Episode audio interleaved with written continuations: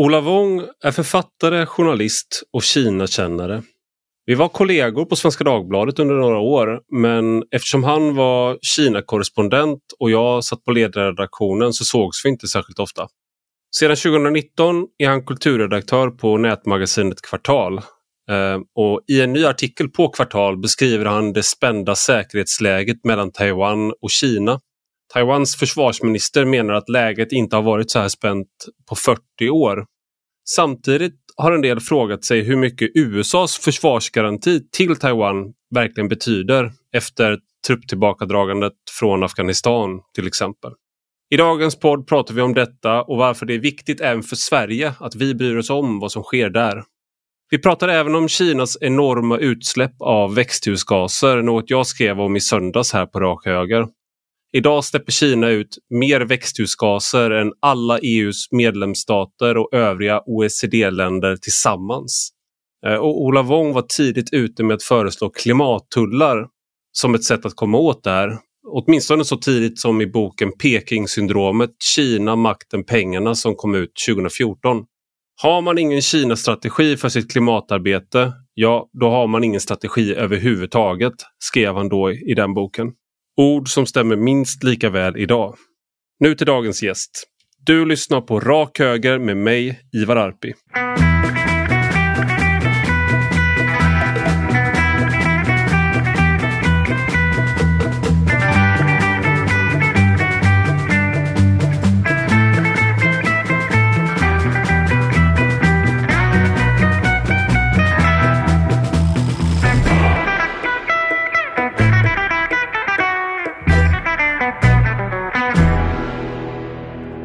Välkommen Ola Wong till Rak Höger.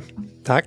Jag tänkte vi skulle kasta oss in. Jag vet att du, har, du är en upptagen man men du är också en av de få Kina-experterna som är eh, något att hänga i julgranen höll jag på att säga. Men eh, du har varit eh, Kina-korrespondent för Svenska Dagbladet och skrivit mycket om Kina och eh, pratar kinesiska vad jag vet också. Mm. Nu har du precis skrivit en artikel som om eh, Taiwan du skriver att det är Taiwan är demokratins frontlinje. Där Taiwans försvarsminister säger att läget inte har varit så spänt på 40 år. Och jag tänker varför ska man bry sig om Taiwan i Sverige? Ja, det är ju flera orsaker. En är ju ganska eh, basal, det är ju att vi är helt beroende av Taiwan. Taiwan är eh, världen utan jämförelse största producent av avancerade halvledare. Och halvledare finns i i stort sett all, all elektronik, eh, mobil, dator, eh, tv, bil, you name it. Utan halvledare från Taiwan så stannar en stor del av det. Där är vi och man kan säga att halvledare idag har samma funktion för världsekonomin som oljan hade på 1900-talet.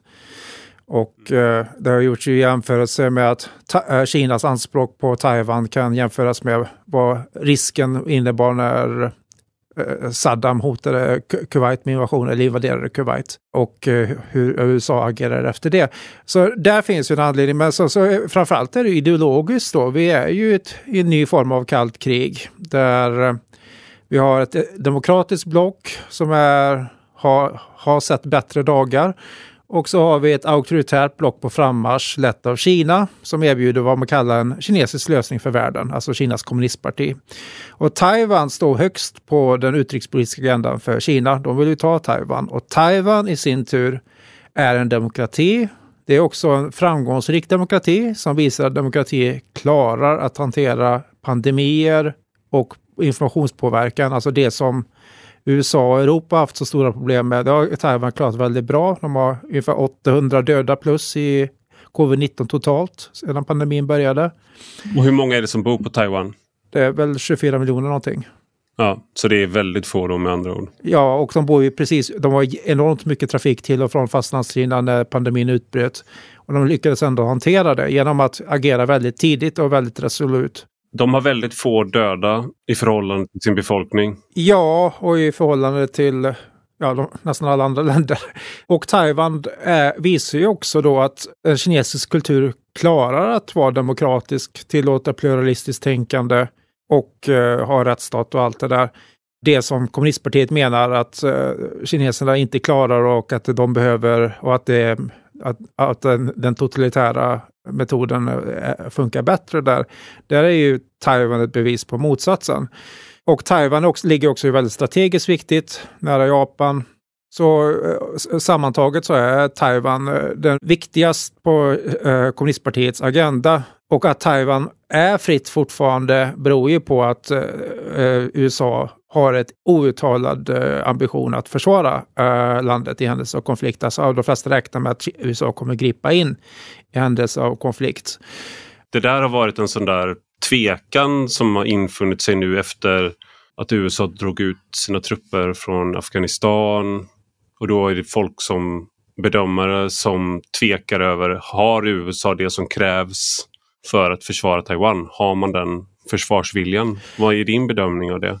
Ja, alltså Biden har ju två gånger i år sagt att USA kommer att gripa in om eh, Kina invaderar. Trump sa vid ett tillfälle att uh, if they invade uh, there is, isn't a fucking thing we can do about it. Det var ganska typiskt för honom kan man säga. Alltså, han tog emot ett telefonsamtal från Taiwans president och Republikanerna är ju traditionellt de mest hökaktiga i amerikansk politik. Man kan väl säga så här att både i Peking och i Washington räknar man fortfarande med att eh, USA kommer att gripa in. Och det är därför Kina rustar upp så mycket eh, så att de ska kunna göra så att oddsen gör så att USA eh, inte vågar det helt enkelt. Att de menar att, eh, att, eh, att, att de inte klarar det. Vi ska också komma ihåg att senaste gången USA hotade med att atombomba Kina, det var över Taiwan 1958 när man från Fastlandskina bombarderade eh, eh, utliggande öar från Taiwan. Eh, då, då kom det ett sånt hot från USA. Så Taiwan har varit en, har och är en av de hetaste platserna i, i konfrontationen mellan supermakter. En sak som många kanske har glömt om den här Clash of Civilizations-boken av Samuel P. Huntington. Det mesta folk kommer ihåg av den var det här han pratade om islam och eh, the fault lines som han pratar om då där det var krig mellan olika civilisationer.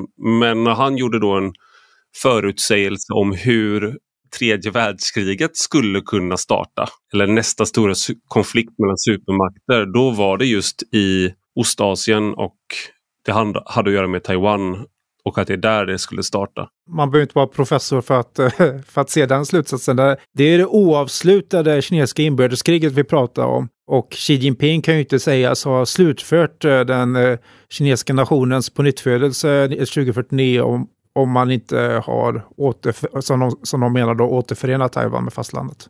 Kan du förklara, för det här är ju en sån där Sverige har inte erkänt Taiwan. USA har inte erkänt Taiwan som en självständig nation. Vi handlar med Taiwan, som du säger, vi är beroende av Taiwan vad gäller halvledare och mycket annat också. Taiwan är en demokrati, men vi erkänner inte Taiwan.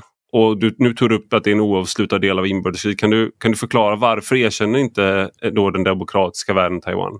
Ja, alltså det är inget land erkände Taiwan under namnet Taiwan. Man erkände republiken Kina så, och sen så har man, lägger republiken Kina ofta till ett parentes Taiwan. Uh, men, uh, och det har ju då att göra med att uh, kinesiska inbördeskriget var ett väldigt blodigt krig, pågick i årtionden och slutade med att nationalistregimen flydde till Taiwan och kommunisterna vann. Och kommunisterna lyckades aldrig ta Taiwan utan eh, nationalistregimen bet sig fast där och de hävdade länge att de var den legitima representanten för hela Kina. Uh, och att de skulle uh, snart befria fastlandet från de här banditerna som man sa det. Och det, blev ju, det påståendet blev ju mer och mer absurt uh, och ju mer tiden går och USA skiftade fokus till slut och 1971 så eh, fick eh, Folkrepubliken, alltså kommunistsidan, eh, Kinas plats i FN. Och eh, då eh, så drog sig Taiwan tillbaka och eh, vilket var ju ur Taiwans synpunkt då var naturligtvis ett stort misstag. Sen under 90-talet och framåt började Taiwan demokratiseras. Man börjar mer och mer betona och för innan dess har Taiwan Mm. varit en di diktatur och eh, efter det så börjar man mer och mer demokratisera man, eh, och man börjar mer och mer betona ta, eh, det taiwanesiska. Och man, eh, och man tyckte att eh, länkarna till fastlandet som hade varit så brinnande viktiga för den första generationen som flydde dit och tog makten. Eh, det, det, för, eh, för den stora befolkningsgruppen var det kanske fortfarande viktigt men inte så viktigt längre. Och för Pekings sida, de har inga problem med att man från Taiwan ser sig som en del av Kina. Men man blev enormt arga över att man från taiwanesisk sida började då betona det oberoende Ta- Taiwan och vad man kallar taiwanesisk självständighetsivrande. Och det är man helt allergisk mot i, i, i, i i, i Kina. Eh, så vad man säger i, eh, eh, från Peking nu är att det finns bara ett eh, Kina och, eh, och eh, Peking, alltså kommunistpartiet, företräder det, eh, det inklusive Taiwan. Eh, medan man från EUs sida säger att det finns bara ett Kina eh, och att eh, det finns eh, och att eh, Peking företräder fastlandskina och Hongkong eh, internationellt och så eh, mumlar man lite i skägget om, om, om Taiwans status. Och, och där har vi läget eh, nu. Peking har ju sagt att om Taiwan utropar sig självständigt under namnet Taiwan, att då eh, har, man stiftat en lag och då kommer man invadera med en gång. Från, från eh, omvärldens sida eh, mer, mer gör är, är däremot att exempelvis en delegation från EU-parlamentet har åkt till Taiwan, att man har brutit den här rädslan för att Eh, stöta sig med Kina när det gäller att helt isolera, eh, vad Peking vill är ju helt isolerat Taiwan, alltså eh, republiken Kina eller vad som helst. Och där har man från, där finns det en viss trötthet på det, både i USA och i Europa. Där har man, har man tagit emot delegationer och skickat dit folk på ett sätt som inte har skett förut. Och det har varit en utveckling de senaste två åren. Det här är väl också under en period innan Xi Jinping kom till makten så fanns ju ändå mer hopp också kanske om att det skulle gå att lösa det här på ett fredligare sätt. Men det, det har ju funnits olika linjer i, i Taiwan också hos befolkningen där man alla har inte velat vara helt självständiga från Kina men, men eh, nu i och med att Xi Jinping har ökat sin aggressionsnivå inte bara mot Taiwan då utan även mot USA och EU så får man ju den här känslan av att okej, vi sitter i samma båt som Taiwan. Och så, som du då är inne på i din, i din text på, på kvartal här att om man låter Taiwan falla då låter man ju en demokrati falla. Och att vi nu då på något sätt sitter, känner, känner en större närhet till Taiwan på grund av både handel men också hur de, deras styrelseskick. Oh ja, och sen är det ju också det att eh, om Kina kan ta ta Taiwan utan att USA ingriper, det skulle i så fall starkt ifrågasätta trovärdigheten med hela allianssystemet i, eh, i Östasien, Sydkorea, Japan och eh, det skulle ju kunna destabilisera hela regionen. Japan skulle kunna eh, skaffa sig kärnvapen eh, och, eller, eh, och, eller, eller, att, eller att de inordnar sig i en kinesisk, världs, kinesisk hierarki. Och det skulle ju ses som katastrof för de, de nära allierade till USA och västvärlden i de övriga demokratierna i regionen. En sak som, som du nämner också det är det här att krigshot kan vara inrikespolitik och någonting man cyniskt brukar säga som många gånger har stämt vad gäller USAs utrikespolitik så är det ju att det finns ingenting som enar amerikanska folket så mycket som ett externt hot. Så att man startar, presidenter startar krig när de har kört fast inrikespolitiskt. På vilket sätt är det här inrikespolitik i Kina då, den här upptrappningen av retorik gentemot Taiwan? Alltså kommunistpartiet kommer ganska ofta med, eh, genom sina eh, partimedier och annat, med eh, hot mot länder, regioner man har, där man har territoriella anspråk.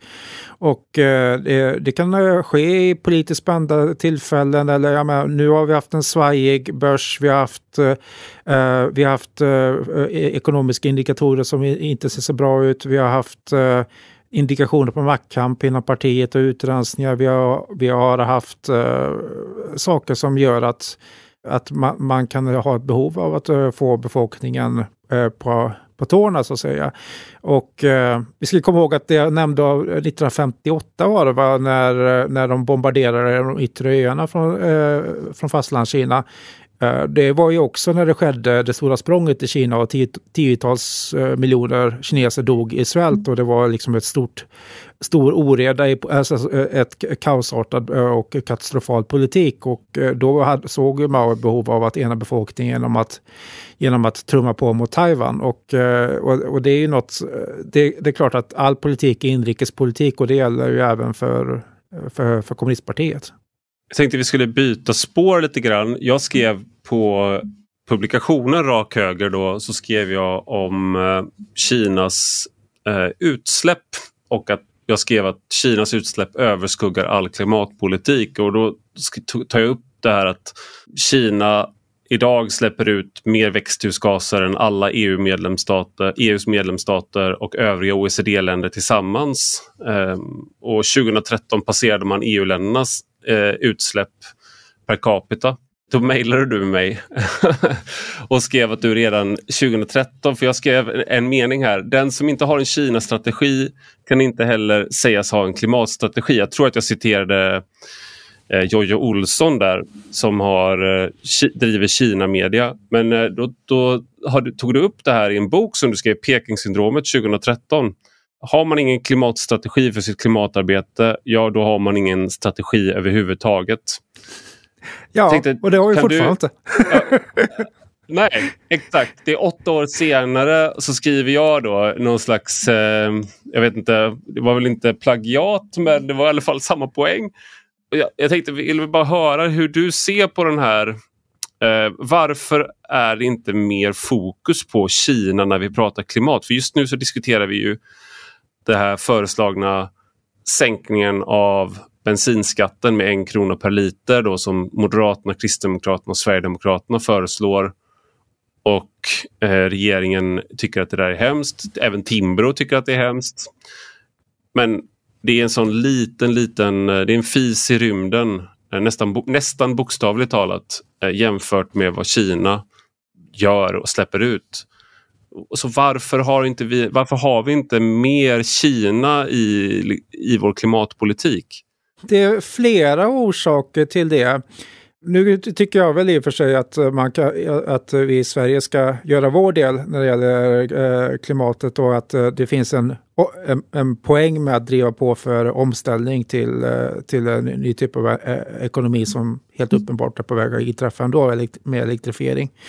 Men, men om man går tillbaka till din fråga så menar jag att det finns ju en postkolonial diskurs i Sverige som inte hjälper för klarsynthet när det gäller klimatet alltså. Och det finns också en, en gammal eurocentrisk arrogans att man ser att alla problem och alla problems lösningar kommer någonstans från eh, USA och eh, väst. Och då vill man mm. liksom inte se att, eh, att både problem och problems lösningar kan finnas någon annanstans. Och jag menar, jag jag har försökt tjata mig blå i ansiktet i, mång, i många, många år om Kina och klimatet, men då kommer nästan alltid invändningar från folk som är engagerade i frågan och säger nej men det beror väl på hur mycket vi konsumerar. Titta på min iPhone, mina skor som om kineserna inte mm. konsumerar också då, naturligtvis. Men också att man inte ser eh, Kinas produktion av stål och betong och eh, stimulanser till, till helt galen eh, tung industri. och att man inte vill se det utan man vill hellre titta på USA och säga att Trump är hemsk eller USA är hemskt eller titta vad hemska vi själva är. Och, och det kan ju bli nästan absurt ibland. Alltså svenska nyhetsbyrån TT och andra, de har ju haft sådana rubriker som att Xi Jinping läxar upp Trump om klimatet var för några år sedan, hade de en rubrik som eh, vidarepubliceras i alla, eh, artik eh, i alla medier i stort sett. Och då, då tänker man, och det är ju bara en upp och nervänd eh, verklighet. Jag menar under Trumps tid, så, alltså Trump hade ju eh, ingen, förvisso ingen klimatpolitik, men under Trumps tid så la, la ju, minskade ju USA kolproduktionen och det var ju för, av marknadsekonomiska skäl. Medan Kina har ju ökat den enormt mycket. Varför? Men mm. ändå så är det någon form av alternativ verklighet som vidare, eh, vidare förmedlas där, där det som är problemet framställs som, eh, som ett föredöme. Man vill ju få Kina att förbinda, det var ju ett klimattoppmöte precis och då ville man ju få Kina att eh, tidigare lägga datumet då man ska påbörja minskningen av utsläpp från 2030 till 2025 i alla fall. Men det lyckades man inte med.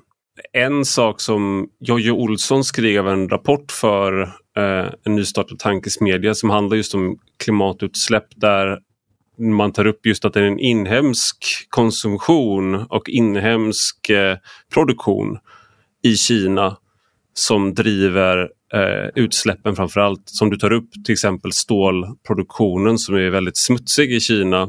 Så att då försvinner också den här tanken att det bara skulle vara att vi då det är vårt fel för att vi gillar iPhones eller, eller liknande. Utan det, det finns också en, en, eh, en aspekt där som har att göra med vad Kina gör för den inhemska marknaden.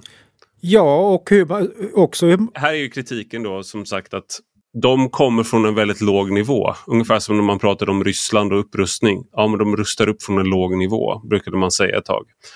Det är samma här, då säger man att ja, men Kina har ju historiskt sett inte släppt ut lika mycket som exempelvis Storbritannien som industrialiserades tidigt. Så därför blir det orättvist att ställa samma krav på dem. På två år så släppte Kina ut lika mycket, producerade de lika mycket cement tror jag det var, som eh, USA gjorde under hela 1900-talet. Mm. Kina är väldigt, väldigt stort. Så det blir en enorm utväxling när, eh, när de eh, sätter gasen i botten. Så det, även där blir det ju väldigt konstigt faktiskt. Och sen är det ju också att, eh, att, Kina, att Kina inte hamnar i sökljuset med, med sina utsläpp och, och vad de gör med, sko med skogen är ju också en sån sak som diskuteras mycket i Sverige. Medan, medan, men om man ska se vad den största påverkan på skogen i världen, det är ju utan jämförelse, uh, det är ju Kina. De hugger ju ner taigan i Sibirien, uh, nu för, och det går export till, eh, till Kina och ryssarna återplanterar ju inte heller så det, det är ju en katastrof. Brasilien avverkning för soja det är ju för att kinesiska grisar ät, äter soja. Eh, så det, det, är ju det som driver det helt klart. Och då är ju tragiken att det är klart att man, man ska försöka påverka Kina, men Greta verkar ju helt ointresserad av att stötta de kinesiska ungdomarna. Det finns ju en del trots allt som, eh, som är intresserade av, eh, av frågan och på allvar gå in i det. Man ska inte lägga ansvar på henne. Mm. Men, men jag menar, det blir en väldigt självcentrerad sak. Det handlar om när man inte ser det som är det stora problemet och också den här enorma besattheten av USA som är hela tiden. Uh, att liksom mm. googlar man uh, USAs president, eller särskilt när det var på Trumps tid, jag menar, bara räkna hur många tusentals gånger mer eh, artiklar det är om, om, på det hållet jämfört med det om Xi Jinping och vad som händer där. Det, det är det du är inne på, att det finns en omvänd eurocentrism här. att om vi skulle lägga fokus på Kina och på vad Kina gör idag, de utsläppen som sker idag, den politiken de bedriver idag, då blir det också uppenbart för, för oss, och med oss menar jag i väst, att vår position som världsledande på alla punkter inte längre stämmer. Att det, vi behöver uppdatera den mentala kartan. Men det tillåter inte den här postkoloniala analysen för då kanske det inte är vårt lidande kanske inte och vårt dåliga samvete kanske inte är värt lika mycket. Nej, men det finns en rolig kinesisk, eh, ett roligt kinesiskt ord som, de, som har eh, kommit fram på, i kinesisk internetkultur och det är Baizuo. Jag kan inte uttala det på kinesiska. Eh, och det betyder bokstavligt talat den vita vänstern.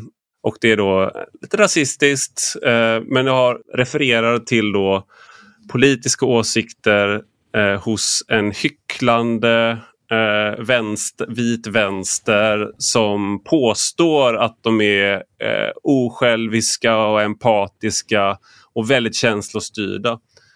Det finns ju en sån där, när man då pratar om eh, jag kan tycka att det finns en, det, det, kan, om man omvandlar det där så tycker jag att det kan vara lite träffande i alla fall på vissa, av, på vissa vänsterrörelser. Kommunistpartiet är också väldigt bra på att manipulera eh, den. Eh, att, att liksom press, nu inför, eh, eh, nu inför klimatmötet så var så eh, var man ju på där med att vi måste, om ni, ni, om ni inte tonar ner kritik om Hongkong och mänskliga rättigheter och Taiwan så, så vill vi inte prata om klimatet och då, och då, då kommer ju det här Eh, från ja, det lägret du pratade om där, att eh, eh, på, påtryckning mot Biden att, eh, han måste, att han måste ligga lågt där och nu måste vi försöka skapa en eh, bra, eh, bra atmosfär för klimatet och så, och, och så vidare.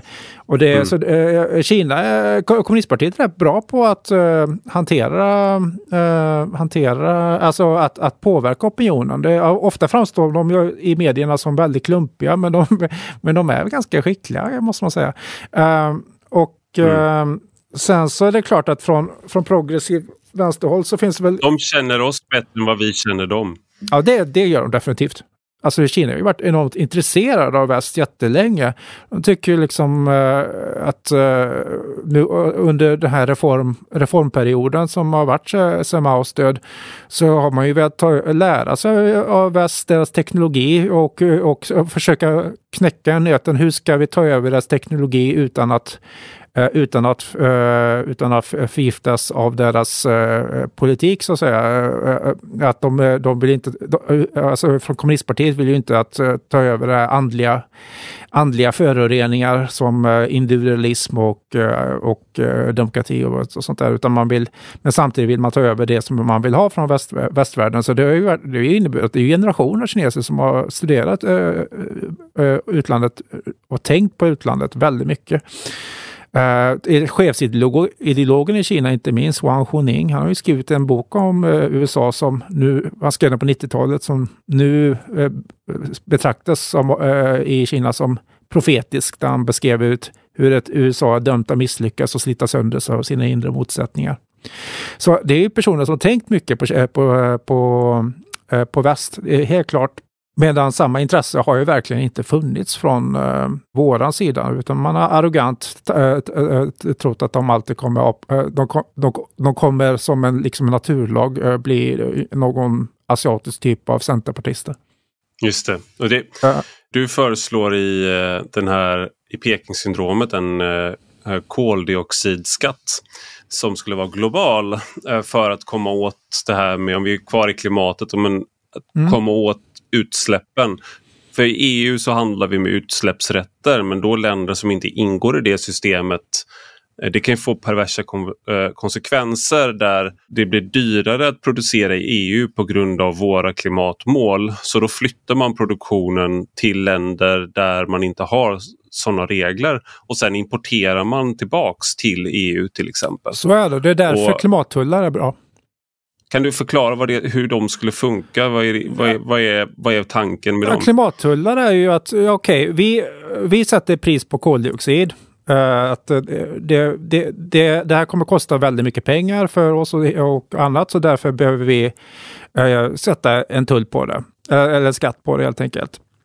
Och det har vi gjort internt i mm. EU genom det här handelssystemet. Eh, man kan inte sätta en skatt i, EU av tekniska skäl, för det, liksom, det, det, är inte ett land. Men man kan göra handelssystemet. Men, men, men kommissionen, de har ju handelsrätt, eh, alltså på EU-nivå ligger ju handelspolitiken. Och då skulle man kunna införa en klimattull, där så att eh, ja, produkter och, eller länder där som har en stor eh, kol, eh, exempelvis kol i energimixen, att deras uh, uh, varor, alltså tekniskt sett kan man ju lägga upp det på olika sätt, att deras var varor där helt enkelt blir lite dyrare för att kompensera för den kostnad som deras utsläpp är.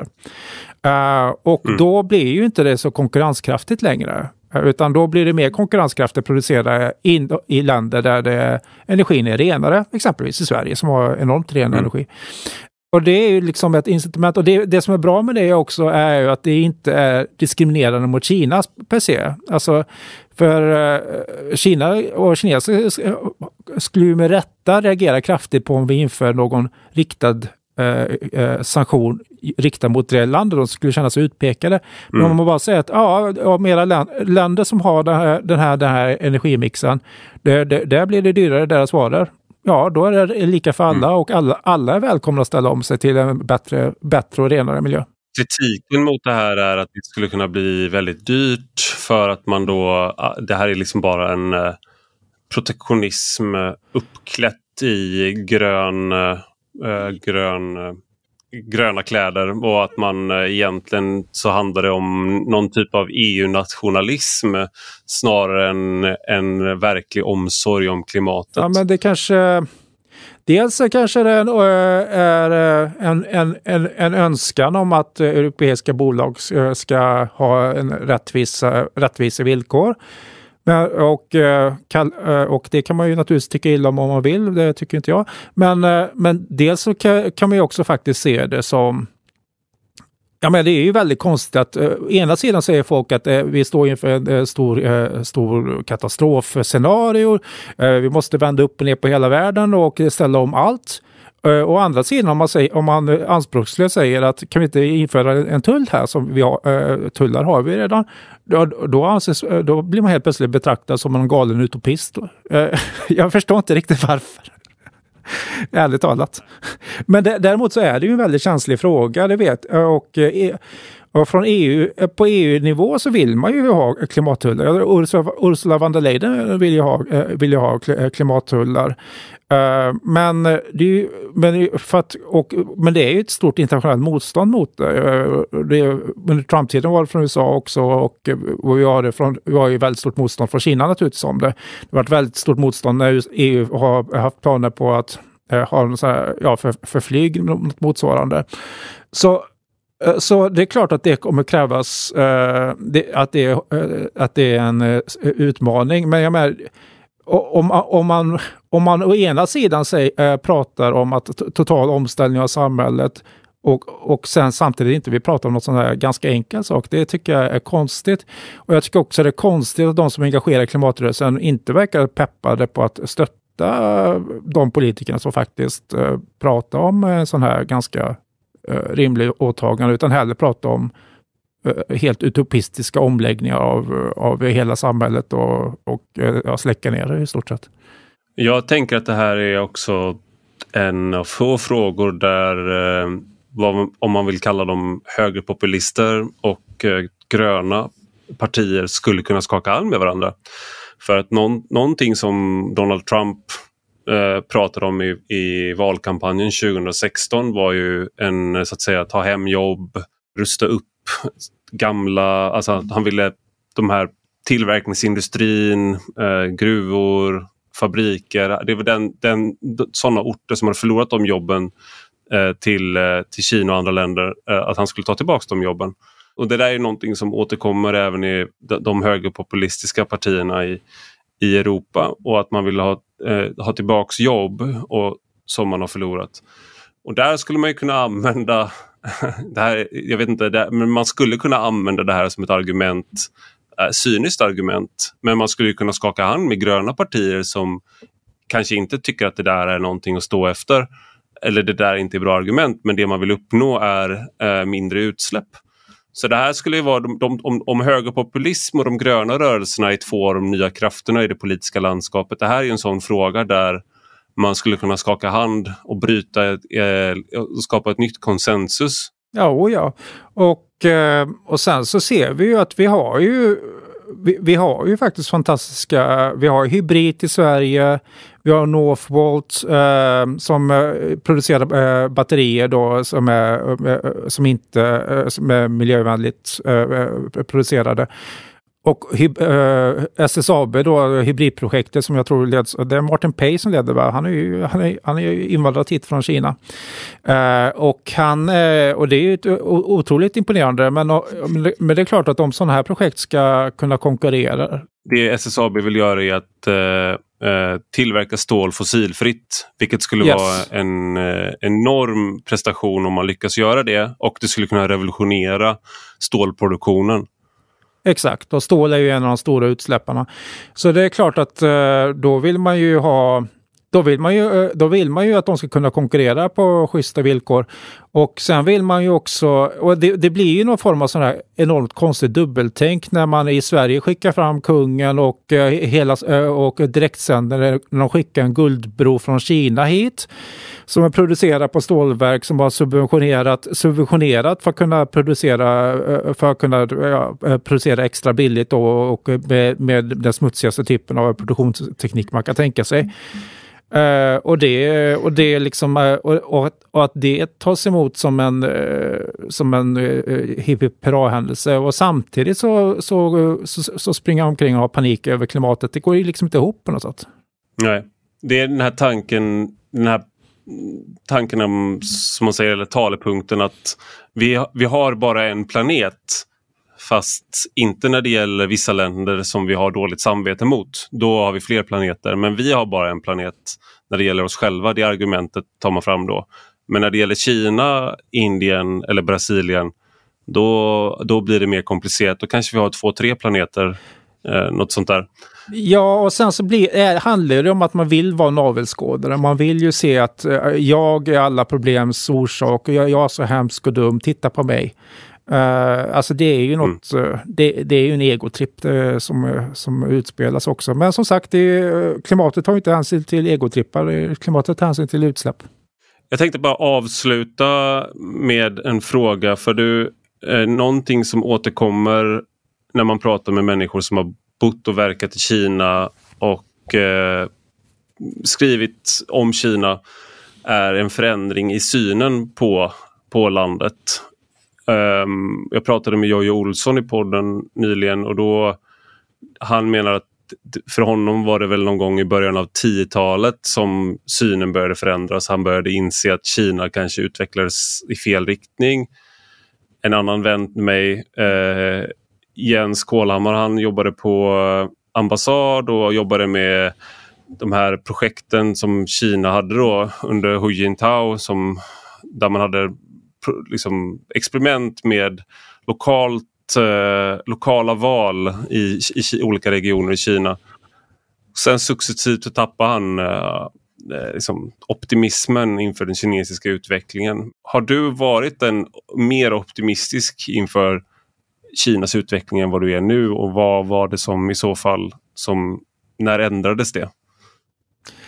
Alltså det var svårt att inte bli kär i Kina på 00-talet. Alltså den enorma framåtandan som var där i eh, början och mitten av 00-talet och liksom glädjen av allting var nytt, allting bara öppnades och, och det, det var så utforskaranda. Uh, och Kina är ju fortfarande ett väldigt uh, kul ställe och det, och det är dynamiskt och härligt. Men ja, det var väl där under 00-talet så det liksom eh, eh, blev mer och mer tydligt att, eh, att det här har de ingen avsikt att eh, reformera. Jag menar, när, när eh, Wen Jiabao gick i, eh, när han gick så var, då var ju, han var ju sedan länge den enda som pratade om reformer. Och han var premiärminister och eh, det var ju kommunistparti hela tiden. Det, det, och det är också det så att utlänningar som åkte dit, de trodde att, att kommunistpartiet på något sätt hade försvunnit eh, bara för att, eh, bara för att det hette eh, skolor för administrationsutbildning på engelska, men på kinesiska hette det fortfarande partiskolor. Så jag menar, det, det, var, det, var, det var inte ens en särskilt bra charad, men man, man vill ju lära sig att ta över utlänningens teknik och få in investeringarna. Och sen så finanskrisen blev ju finanskrisen blev ju ett bevis för Kina att uh, västvärlden uh, är, är, inte oövervinnliga och de är inte särskilt, uh, och de är rätt klantiga. Och sen blev det föraktet har väl bara växt egentligen. Och i, i, takt med att partiets styrka har, har växt också övertygelsen om att den modell man har är den rätta.